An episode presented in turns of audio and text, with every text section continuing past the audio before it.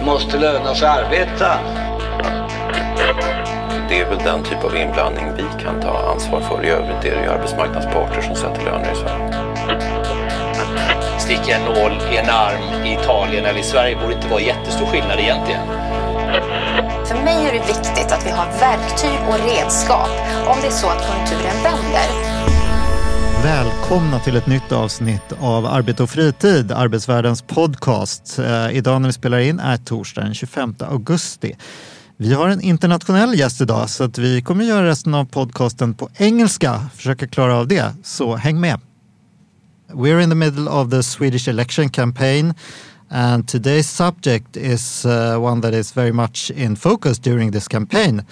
And that's how the parties on the right that define themselves as conservative or even liberal are to deal with the growing influence of the radical right. And uh, our guest today, uh, and also the reason why this podcast is in English today, is the Austrian uh, political scientist Natascha Strobl who has recently had her successful book Radical Conservatism translated into Swedish. And you are joining us digitally from Vienna today. Welcome, Natascha. Hi, thank you for having me. Hi. And uh, I've also invited Andreas Johansson Heinö, political scientist, author, and editor at Timbro, the think tank of the Swedish Employers Association to give his view on the book and uh, connect this discussion to Swedish circumstances and the election campaign. Welcome. Thank you very much. Thank yeah, you. Fun to have you. Nice to be here.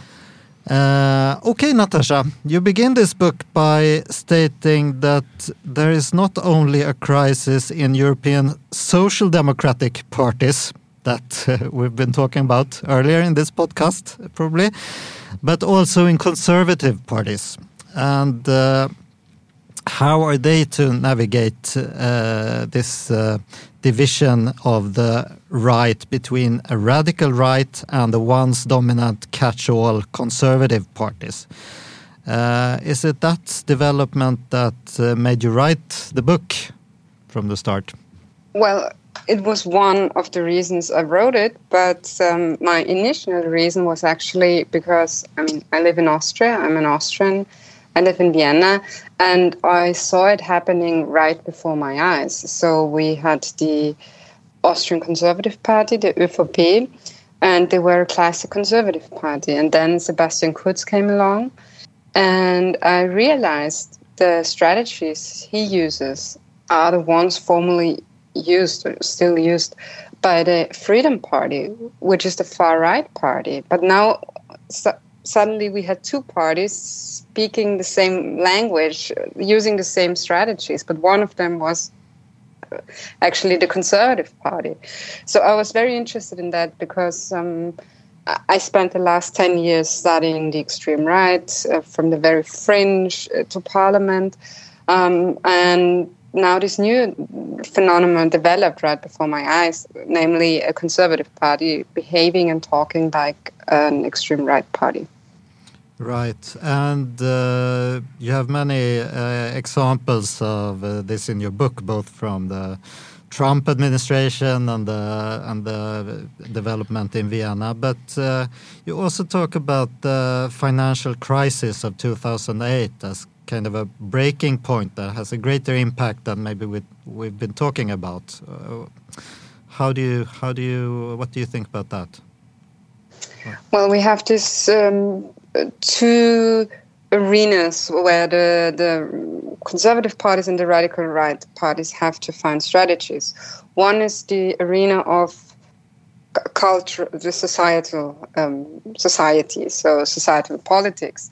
And the radical right um, invented culture wars as their strategy. So every little bit, uh, when it comes to emancipation, feminism, trans rights, whatnot, they use it for their culture wars. And on the, on the other hand, we have this socio-economic sphere um, where a lot happened after 2008 because the focus shifted because people realized like radical neoliberalism does not work. It does not work for them. Um, and so many, many of the classic liberal big institution, he actually shifted. So we have the, the World Bank and so on. Um, all of them conceded that maybe a little bit of regulation is not that bad. Um, but of course, um, within capital, they want they do what they always wanted to do. They want to accumulate capital, um, and so they realized maybe this kind of system that worked very well for them will not be there forever. So they had to um, do a lot of lobbying and a lot of security measures um, to to um, keep them into power.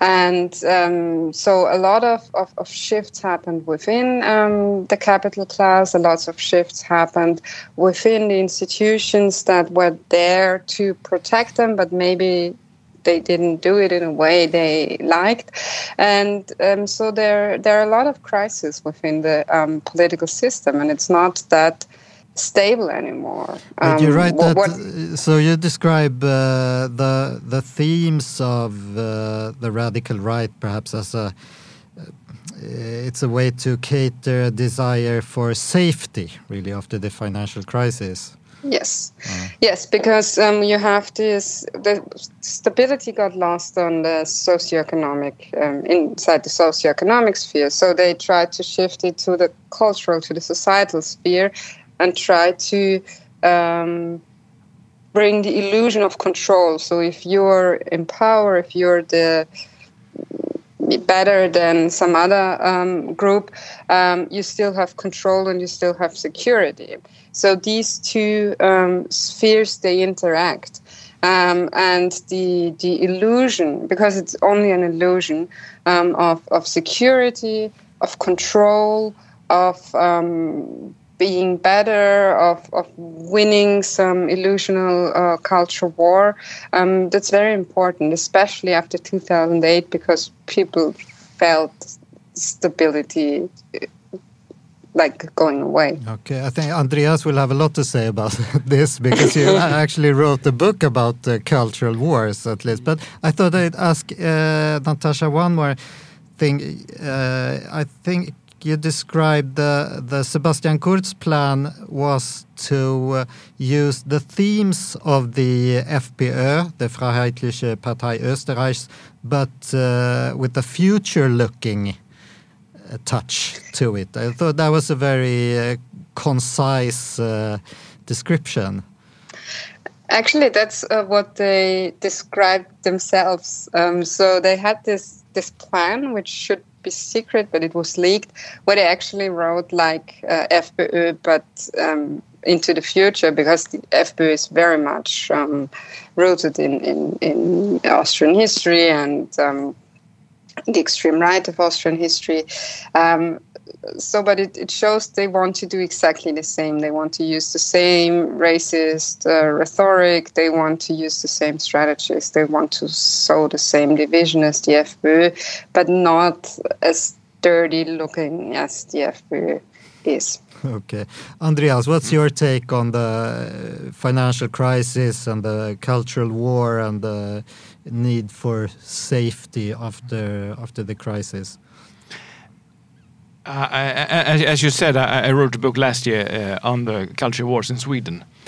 Uh, and of course, that's, um, I mean, the, the relation between economic and cultural aspects of, of political dynamic is, of course, an eternal, you know, where do you put your focus? Uh, and uh, I won't argue against what you said. I think you need to uh, combine the economic and the cultural perspective. I, I, think when I, when I wrote your book uh, the last couple of days, the Swedish translation. I mean, th there's not many books in Sweden on Austria. Uh, obviously, it's it's very rare. Uh, but I think that's a great contribution to our understanding of what's going on in Europe, uh, because too much focus, relatively, I think, is on the Hungarian and Polish examples in the Swedish debate, while we have more to learn from Austria, the Netherlands, uh, for example, which have more of a similar history, the democracies, uh, have, have, more in common with the Swedish than in the post-communist state.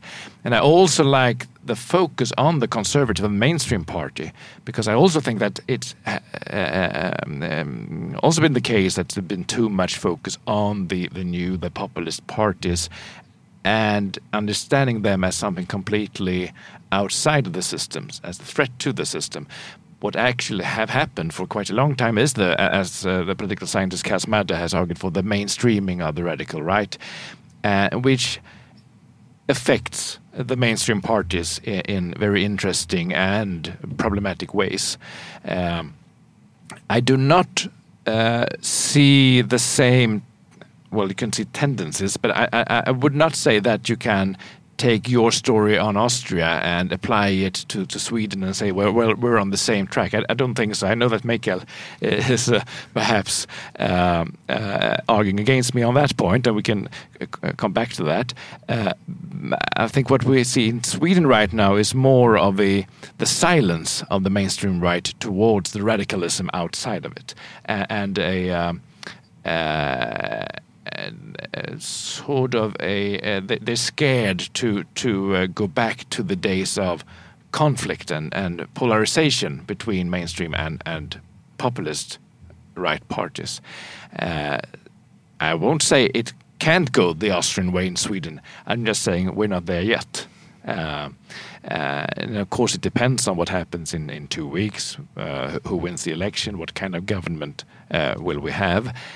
But to go back to what you said on the the uh, economic aspects, we have now an election campaign in Sweden, which despite of you know we have an, the highest inflation rates for for 30 years in Sweden, uh, but economic issues are playing a minor role in this. It's still very much focused on law and order uh, criminality, migration. So the, the issues of a culture wars are dominating the, the Swedish landscape, even now when we're facing uh, an economic downturn. Natascha, you describe the radicalization of uh, the Conservative Party in Austria in or actually radicalization of, of conservative parties in general in six different steps. Will you tell us about uh, a bit about uh, these steps and uh, and feel free to take a few examples from Austrian history as well. Um, I try to break it down in six steps, and the first one is um, the breaking of the rules. So there are two different. Well, the informal rules and formal rules. Formal rules rules are like laws and so on, and they get in conflict with the law quite fastly and uh, quite often. So you have it um, in. Well, I describe. I, I try to compare Trump with Kurz, knowing that there are many many differences and that they're probably not on the same level, but still they have some similarities. And both of them um, got in conflict with the law, and it was um, what actually led to their downfall. So they have no respect for the rule of law. Um, but also quite important is the breaking of the informal rules, the rules of how to behave, how to speak, how to be a proper politician. Um, and this can be minor instances how to dress. And we had this one uh, moment where the financial minister of the ÖVP he took off his shoes in parliament and underneath he had socks in a new color because they changed color um, to um, turquoise and uh, it, the socks had this color and it was on every newspaper and it was how could the financial minister take off his shoes in parliament so it, but of course it's it's not changing how the world works but still he, he did it and he got um, PR out of it. But there are also informal rules um, which are quite important to the functioning of society, which are the fabric of society or the political system. And one of it is um, every um, beginning of May, we have this um, big uh, commemorations um, of the uh, end of the World War II and the, the, the freeing of the um, uh, Mauthausen, which was the biggest concentration camp in Austria. And um, so every politician goes there, every the president, everybody goes there, yeah, and because this is um, this is never again for Austria. It's Mauthausen, and Sebastian Kurz was involved in a lot of scandals um, in in 2021. And three days before um, the the commemoration in Mauthausen, he just said he wouldn't go there. He's not interested in going there. So the chancellor of the Republic of Austria didn't went to commemorate the freeing of Mauthausen and the end of the Second World War. I mean, there were the, the, the, the Jewish community and the ambassadors of Israel and Germany and, and whatnot, and he just wasn't there. And that's the breaking of informal rules. You can't just do that. It's just, you can't do it. But he did it. And um, that's. Uh, that's yeah. uh. That's something else, but I thought uh, immediately of the situation in Sweden right now, where we have this uh, financial uh, scandal uh, in a way uh, that uh, five out of eight parties in the parliament were ready to break the law in order to receive funding in the in the election campaign, and the only three parties where this didn't uh, have any consequences were uh, the radical parties, Sweden Democrats, the moderate party who like partly excused themselves and the Christian Democratic Party that said that we didn't break any law. Uh, does this relate to this? Uh, in my view, relates to this point. We also have the Christian Democratic Party leader who is actually convicted of a crime and who refused to really uh, excuse herself for taking any responsibility and in the end said that uh, I know I broke the law but in the end I was uh, I was right to do it I don't want to sound like I'm uh, defending uh, her action there. But I think the details of that case is quite specific related to the you know difficulty of that issue. And uh, so I'm not sure you can put that as an example of sort of a, a, political shift. It could be, but I'm not sure. I think but that they didn't break any rules no. uh, knowingly. It was more that they kind of stumbled into breaking the law. And uh, then, well, if you talk about the, the financial scandal, yes. Yeah. But, but um, we've had that before, and that's not in defense of it. But I, am not sure it's a new phenomenon. Mm -hmm. But what I'm reading in your book is that you're telling the story that we're talking about a change here. Uh, there's a, a, quality qualitative difference uh, compared to 10, 20 years ago. Uh, and um, I find that interesting. Could, could, I ask you because, I mean, tw 20 years ago, the the ÖVP also was in government uh, for, for, for quite a few years with the with the FPÖ uh, under another chancellor. Uh, do you think that there, is there such a why, why is why why the difference now uh, the last couple of years? And what what's different to to the years around the millennium shift? I wouldn't put it in contrast. I would say it was um, was possible because um, uh, the the coalition in 2000, 99, 2000 happened, um, and the the chancellor um, of the former coalition, Schüssel, he is uh, one of the biggest mentors of Sebastian Kurz. So it, it really clicks together. And the difference um, today is that they were they, they were really overwhelmed in and because all of the European Union they reacted and they put sanctions on Austria and um, they they they they did it, but they were quite. Um, yeah, they, they didn't try to, to put too much scandal afterwards in it. Of course, it happened because it always happens with the Freedom Party. Um, but they tried to be very um, closed off and very almost shy about it. But now Sebastian Kurz, he was ruthless. He just went straight to the top and he was always on the advance. He was always attacking, attacking, attacking, and he didn't care. So um, when he came into power, he very closely aligned himself with Viktor Orban. he always talked, he always praised Orban and said, well, you can't, the, the others shouldn't talk too bad, uh, badly about Orban because um, he's such a strong leader and so on and so on. Um, and they wouldn't have done that in 2000, aligning themselves with other authoritarian leaders because they still wanted to be liked by the others. But Sebastian Kurz didn't want to be liked um, by the other um, yeah, by the other country uh, state leaders. So he was way more ruthless and way more um, uh, attacking and in the offensive. Um, but uh, he wouldn't have been possible without the coalition in 2000. And, and, there, I guess you can see similarities with the United States because you, you can't imagine Trump in 2016 without the previous years of the Tea Party movement, of Sarah Palin, and that couldn't have happened if you don't go back to the 90s and how the Republican Party took the cultural turn uh, um, uh, under uh, uh after the, the, the, loss in the election of 92. Uh, so there you need to, I mean, I, I, like that perspective with the, you see the timeline and how one change leads to another.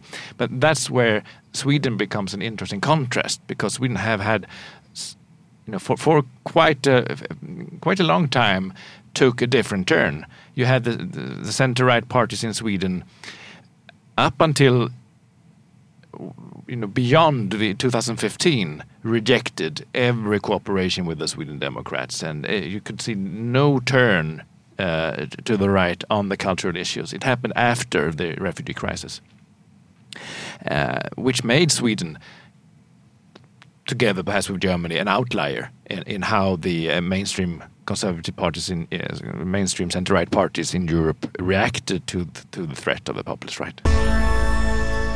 Back to your sixth sixth step, because you also talk about this uh, cultural war and polarization and so on. Just go on. yeah, I'll go. I try to make it uh, briefer. Um, polarization is the second issue, which is just um, uh, introducing culture wars within the conservative parties, basically doing what the extreme right does. In Austria, it's especially along the lines of migration, asylum seekers, um, Islam, Muslims. What can Muslims do? What can't Muslims do? Um, and they very uh, well. The conservative parties they try to um, put it together with social issues. So it's because um, Muslims they don't speak German. We have to tamper with um, social security and we have to tamper with um, who gets what out of the social security system. So this is very, very prominent in the Austrian debate. Um, and it's always us versus them. So it's always us Austrians and them migrants, them Muslims, like implying Muslims couldn't be Austrian. Um, and of course, implied is Christian versus um, Islam and Europeans versus non Europeans. So, this is a huge um, issue, and it's uh, very, very prominent um, within the Conservative Party. I mean, there's no difference between what the Freedom Party says and what the ÖVP says. Sounds like the Swedish election campaign, only that it comes from all yes, parties. more or less, yes. You also talk about uh, as a kind of a prerequisite for this uh, radicalization. You talk about uh, in the terms of the sociologist uh, Wilhelm Heitmeyer, uh, the in Swedish um, den råa medelklassen, the raw or the rude, I don't know, uh, middle classes.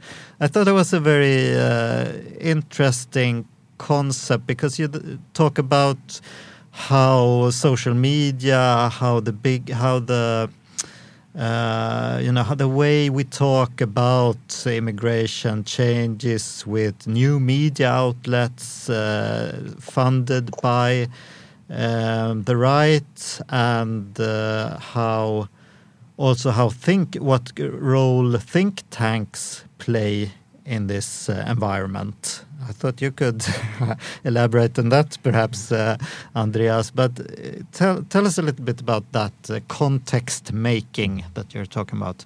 Uh, it's not that easy to translate it into English, but it's a certain kind of um, um, accepted brutality um, within society. So you have in, in every social class, um, there's a um, form of, of brutality. Rohheit, it would be in, in German. Um, you just said the Swedish word. Um, which is um, which is there. So no social classes like the perfect, peaceful um, human beings, but there is an accepted kind of brutality within the bourgeoisie class, and it's accepted because it um, is presented in a way that's acceptable for society. So it's very polished. It's very um, how they talk, how they behave, but behind it, you can see there is a a brutal stance against, um, especially against people who are um, economic worse off than they are. And you can find them organized within parties, within think tanks, newspapers, um, and so on, where they would, in their language, in their polished off uh, way, um, talk about what to do with people who are worse off um, than they are. And this is um, a debate and Wilhelm who's a very renowned sociologist in Germany, um, he, he, he really uh, pinpoints it, and he did all these studies um, where he uh, would, over a long time, track how people think and and and how they. Um, feel about certain issues, and you could really see that um, being economically well off does not prevent you from um, taking really um, brutal um, stances against uh, certain groups, um, and it does not prevent radicalization. Mm. In the Swedish context, I thought of that there are not. We've been talking a lot about these. Uh, right-wing news uh, papers. Mm. Uh, some of them are controlled by Sweden Democrats, and some are not. Mm. Uh, but there have also been startups like Kvartal and Bulletin, who, in my opinion, are kind of they're there to give the like hidden truth about migration, but they're also conservative have a conservative agenda. And I also thought of actually this number that got a lot of discussion uh, that uh, the leader of the Conservative Party mentioned uh, in a debate or in an interview that 700,000 foreign born people in Sweden aren't supporting themselves. Mm. And that actually came from a think tank called Entreprenörskapsforum, who is also funded by the Swedish employers. Mm is that what do you say andreas? Do you agree with me that uh, that is part of uh, a intellect more intellectual uh, context where migration has become uh, like the focal point?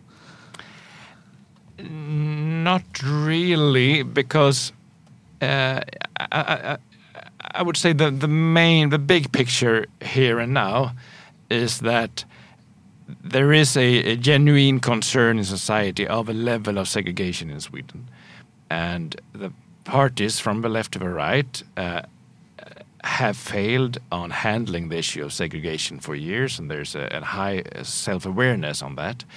And uh, the next step is okay. How do we how do we uh, uh formulate the the the problem uh, in, a, in in a way that reaches out to our voters, and there some you know uh, overreaches. There uh, it's become uh, uses populist terminology and so on, uh, and that is of course in itself problematic. But I don't think that that's you know a result of the the the sort of intellectual environment which has existed for many years. You have had that strain outside of the mm, party political establishment for for decades in Sweden, but of very low relevance. Because I mean, we, are talking about you know a state of conservatism here in Austria and in in, in the uh, Western democracies. If you look at Sweden, for decades, Sweden did not have a conservative party.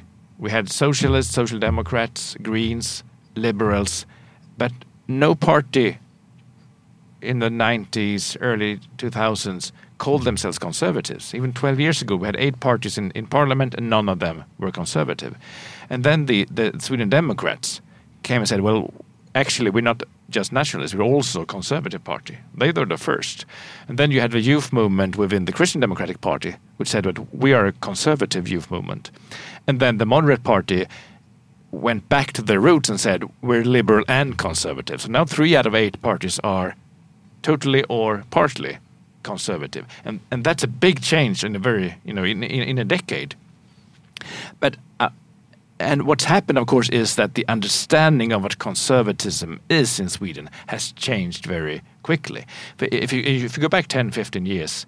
Uh, conservatism was, you know, it was uh, outdated, old-fashioned, but it was also an idea of something respectful, you know, respectful for order, hierarchy, authority, uh, tradition, uh, family, uh, royalties, uh, all those uh, branches. Um, and also, you know, sort of benign. And you know, this is um, not um, dangerous in a political way but the conservatism that is formulated now, also from the parties, is much more um, potent. Uh, it's much more uh, uh, aware of itself, of uh, um, offensive. And it's not offensive, but you know, uh, as, as uh, I have to reframe here. Uh, it's it's not on the defensive, you know, but it's also socially based because if you look at how the Sweden Democrats talk about the lower classes, they they view themselves as part of that group, you know, the outsiders uh, against the elite, and we have uh, in the social media and the uh, outskirts there. Of course, you had all the racial slurs and and, and that, but in there. They try very hard to attack the politicians and the politics and say, well, that's the problem and that has created all this problem of, of criminality and so on uh, uh, and segregation. Uh, they, they don't attack the, the, the poorer classes uh, in a way that you can hear in, in, in France or in America or in Britain. I think Sweden is still not, not there and has, hasn't been for a very long time. How do you work with that uh, at Timbro? Uh, have you uh, like an, idea of how you deal with the migration integration uh, issues? I mean, I, when when I came to Timbro in the uh, to, well early to, 2010s, uh, we tried to say, well, look, we're we're we're pro a liberal migration policy, uh, but we see how you know if you don't deal with the negative consequences, the segregation, well, there there will be a, a backlash, which of course happened uh, a few years later. Uh, so so we tried to convince, uh, not the least, you know, the, the center right parties and, and people uh, in, uh, on the need to to to take a realistic stance towards towards issue, and, and, that was in the days when when Sweden went very far in terms of you know you can isolate the Sweden Democrats, you can uh, deny their existence, and they will disappear, uh, and that didn't happen, and then parts of the center just gave up and said, well, they're right we had this summer, the, you know, the nadir of this election campaign was early in the summer when the leader of Moderate Party uh, applauded the Sweden Democrats' immigration policy for a long time, how they have stood up for for the need to not increase immigration, which was, you know, uh, uh, disgraceful comment, um, and total shift from how it sounded just a few years ago. Natascha, what's the most uh, important other uh, steps on your list? Um, there is a cult with the leader. So the person in front is like a religious figure um, or almost like a sect leader. Um, this is very important. Also, the person in front, the leader, he shapes the party to fit him, not party is the most important thing, but the person. And he only trusts a selected group who is not um, elected democratically, and they're his his clique, his group. Um, you could see it with Trump, and it was actual family, and the, the group around Kurz, they called themselves family, which is an interesting um, comparison. Um, then um, you have the attack. Well, it's not some nihilistic PR project, but you also have swift changes within um, the political institutions that they try to manufacture. So they attack the political system and the institutions from within. So it's against the social um, state. And it's especially against the legal branch of the um, state, where they really try to to shift um, powers and not just shift powers. Sebastian Kurz tried to uh, basically get rid of a branch of state attorneys, state attorneys for corruption cases. So he tried to get rid of them because he didn't do it. He, he, he tried, but he couldn't do it. But they would later investigate him. So if he would have succeeded, we wouldn't have had the investigations that led to his downfall.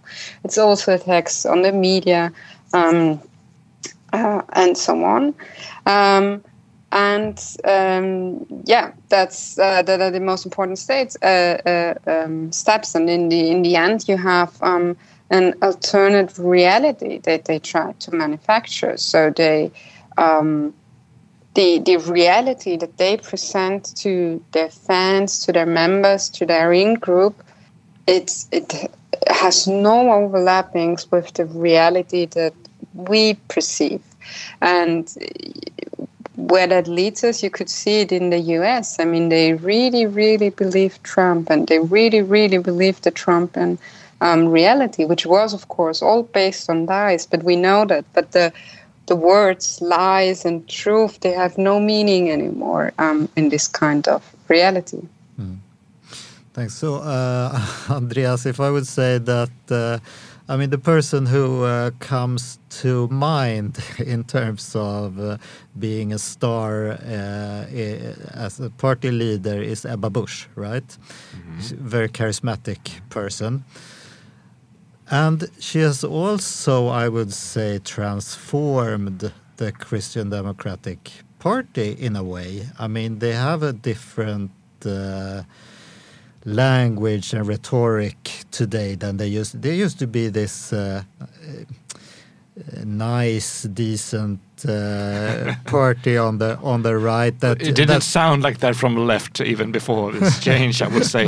You know, okay, but they weren't as uh, hard hard wing right as the moderate party. They were they liked no. uh, giving money to poorer countries and yes. so on, yes. and that's a totally changed today. How much is that? The uh, the making of Ebba Busch and perhaps Johan Ingerö, what do I know? and how much how much has it really changed the party, and how much is it just a clique uh, that is running the party right now that has changed this uh, view of, of the Christian Democrats? I agree that there has been a change towards the right. That's you know no discussion that that that is what is going on, uh, and it has been initiated from the top in the party. Uh, you had resistance and still have resistance uh, from members on uh, local and regional level, I think. And I think the party is still divided. Uh, many voters and members are not comfortable with the move to the right. Uh, and I, I'm not and even though I agree that that has happened, I don't think it's a you know a complete overturn uh, you still have a focus on welfare issues. They're to the left in, in, in terms of economic policy and welfare policy. They're to the left of the other center-right parties, and have, have always been. You know, uh, uh, and they still want to give more in terms of foreign aid. They still want to uh, don't cut taxes, cut taxes so much, and so on. But they they've been very uh, good at you know picking up issues from the culture war uh, context, and she is a very uh, very good party leader in terms of easily getting media attention, putting ourselves in in, in focus of, of the debate. Mm. And also has many fans uh, yes, out there. Yes, yes, sure. something that you take up is, of course, when these radicalized conservative parties come to power, there have been attacks on the judicial system. Uh, but is that something we have we should worry about uh, in Sweden if the if we get a right uh, government uh, with influence of the Sweden Democrats uh, after the election. I think we could we could talk about uh, public service uh, media as well. Uh, I'm not worried in terms of you know the state of liberal democracy in Sweden, and uh, if you compare I, I, mean, I mean, still, it's the Liberal Party and the Moderate Party that's the front runners in terms of defending liberal democracy in a constitutional way. The Social Democrats have been reluctant toward most of those reforms, and they're defending them now the, the last years. But they also had, had a view on democracy which is actually closer, I think, to the Sweden Democrats than than the other centre-right parties. But with that said I think that you know the, the financing uh, and the control of public service is an issue that will come up because it's very important for the Democrats to you know get rid of all those that they think leftist journalists, mainstream. Uh, uh, mainstream media, uh, which is the enemy for them, has always been since the early days of the party.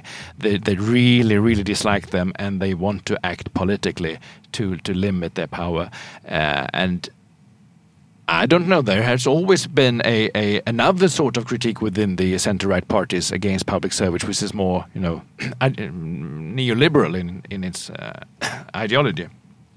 That so, they so, compete so with uh, private uh, media actors, and that's why you should limit. Yes, them. You're right. Uh, yeah, public service is one issue.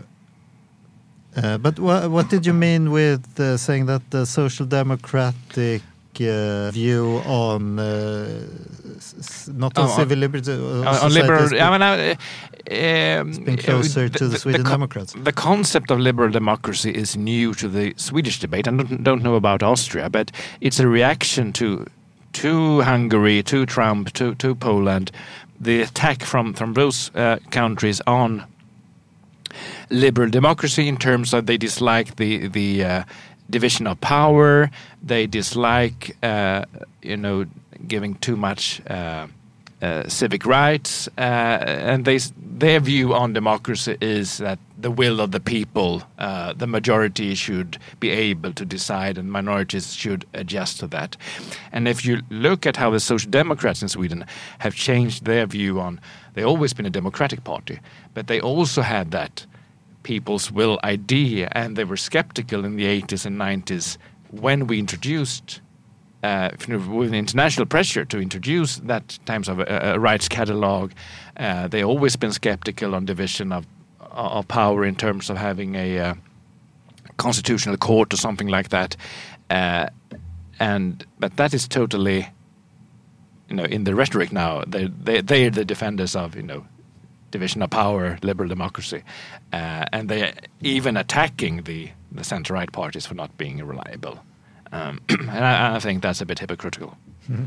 Right. An interesting thing about um, liberal democracy in Austria is that uh, the University of Göteborg they try to measure um, liberal democracies around the world and they do these studies and um, Sweden, of course, is a very stable um, liberal democracy, but Austria is not. Um, Austria is an electoral democracy, which is like at the last, the, yeah, at the bottom of the democracies.